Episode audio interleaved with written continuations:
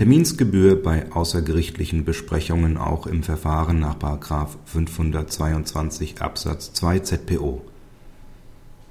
Auch dann, wenn das Gericht im Verfahren nach § 522 Absatz 2 ZPO entscheidet, kann eine Terminsgebühr nach Vorbemerkung 3 Absatz 3 Alternative 3 Vergütungsverzeichnis zum RVG anfallen, wenn die Parteien zuvor ein Gespräch zur Erledigung des Verfahrens führen nach Eingang der Berufungsbegründung hatte das Gericht darauf hingewiesen, dass es beabsichtige, gemäß § 522 Absatz 2 ZPO die Berufung zurückzuweisen.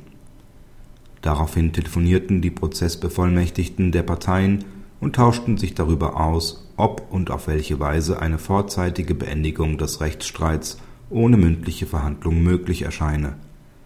Insoweit wurde von Seiten des Berufungsbeklagten unter anderem angeregt dass die Berufung zurückgenommen und der Kostenerstattungsanspruch anerkannt werde.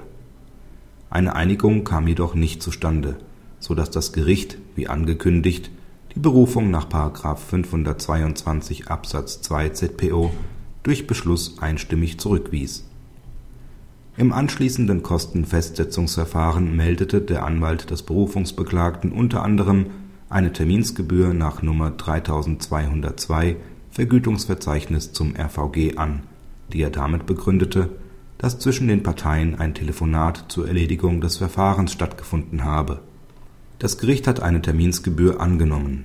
Zwar reiche es noch nicht aus, dass sich eine Partei den Vorschlag der anderen anhöre, erforderlich sei vielmehr ein Austausch von Erklärungen. Dazu genüge es aber schon, wenn der Gesprächspartner erkläre, zu einer außergerichtlichen Erledigung bereit und daran interessiert zu sein auch wenn es später nicht zu der Erledigung komme. Diese Voraussetzungen waren nach Auffassung des OLG hier glaubhaft gemacht.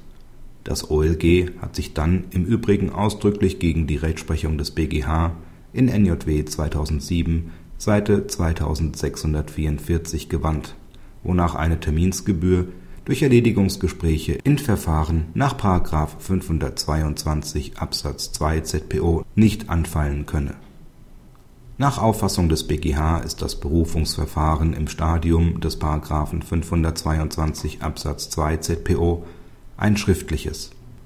Dies reiche aber weder für eine Terminsgebühr nach Anmerkung 1 Nummer 1 zu Nummer 3104 Vergütungsverzeichnis zum RVG noch für eine Terminsgebühr nach Vorbemerkung 3 Absatz 3 Alternative 3 Vergütungsverzeichnis zum RVG aus nach zutreffender Auffassung des OLG ist das Berufungsverfahren als solches einheitlich zu betrachten.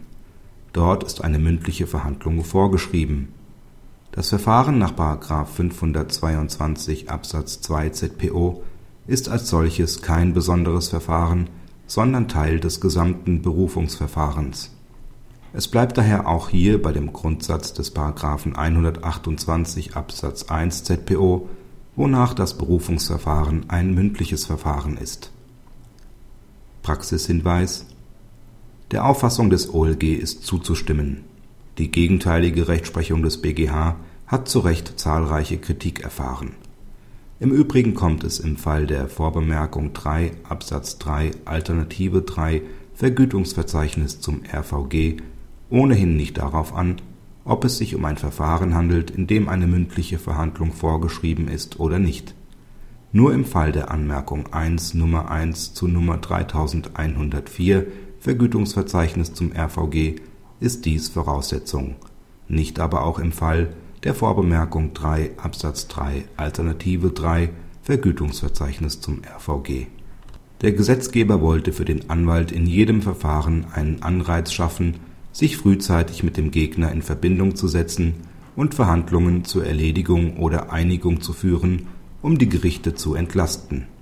Nicht anders ist es zu erklären, dass in Verfahren der Nichtzulassungsbeschwerde oder in Mahnverfahren, in denen ein gerichtlicher Termin nicht möglich bzw. nicht vorgesehen ist, dennoch im Gesetz ausdrücklich eine Terminsgebühr angeordnet ist.